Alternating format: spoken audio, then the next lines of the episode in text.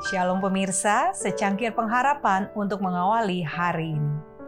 Kebaikannya menuntun kepada pertobatan. Maukah engkau menganggap sepi kekayaan kemurahannya, kesabarannya, dan kelapangan hatinya?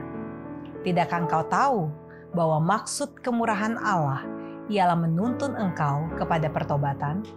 Roma 2 ayat 4 Memang benar bahwa manusia itu kadang-kadang malu terhadap jalan-jalannya yang penuh dosa, serta meninggalkan kebiasaan-kebiasaan mereka yang buruk sebelum mereka sadar bahwa mereka sedang ditarik kepada Kristus.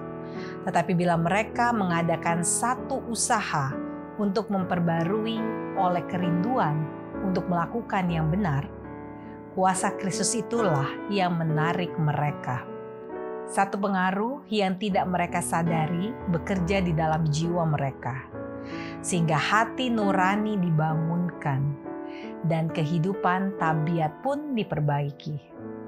Manakala Kristus menarik mereka supaya menatap kepada salibnya, menatap dia yang telah tertikam oleh karena dosa-dosa mereka, maka mulailah hukum Tuhan mendiami hati nurani jahatnya kehidupan mereka, dalamnya dosa-dosa mereka berakar di dalam jiwa, diperlihatkan kepada mereka itu.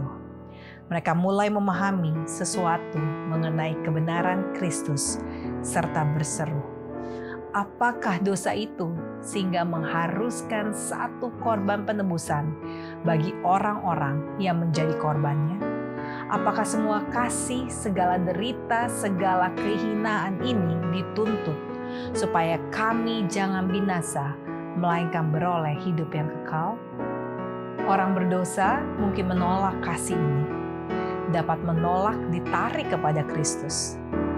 Namun, jika dia tidak menolaknya, maka dia akan ditarik kepada Kristus satu pengetahuan tentang rencana keselamatan akan menuntun dia ke kaki salib dalam pertobatan dari dosa-dosanya yang telah mendatangkan kesengsaraan yang begitu besar terhadap anak Allah yang kekasih.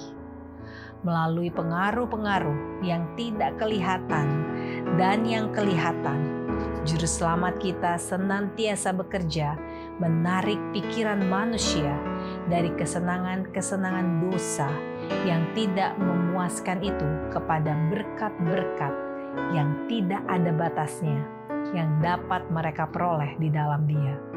Bagi semua jiwa-jiwa seperti ini yang dengan sia-sia mencari minuman dari cawan dunia yang pecah ini, pekabaran ilahi disampaikan. Dan barang siapa yang haus, hendaklah ia datang. Kebahagiaan sejati, halaman 29 dan 30. Demikianlah renungan kita hari ini. Selalu mulai harimu dengan secangkir pengharapan.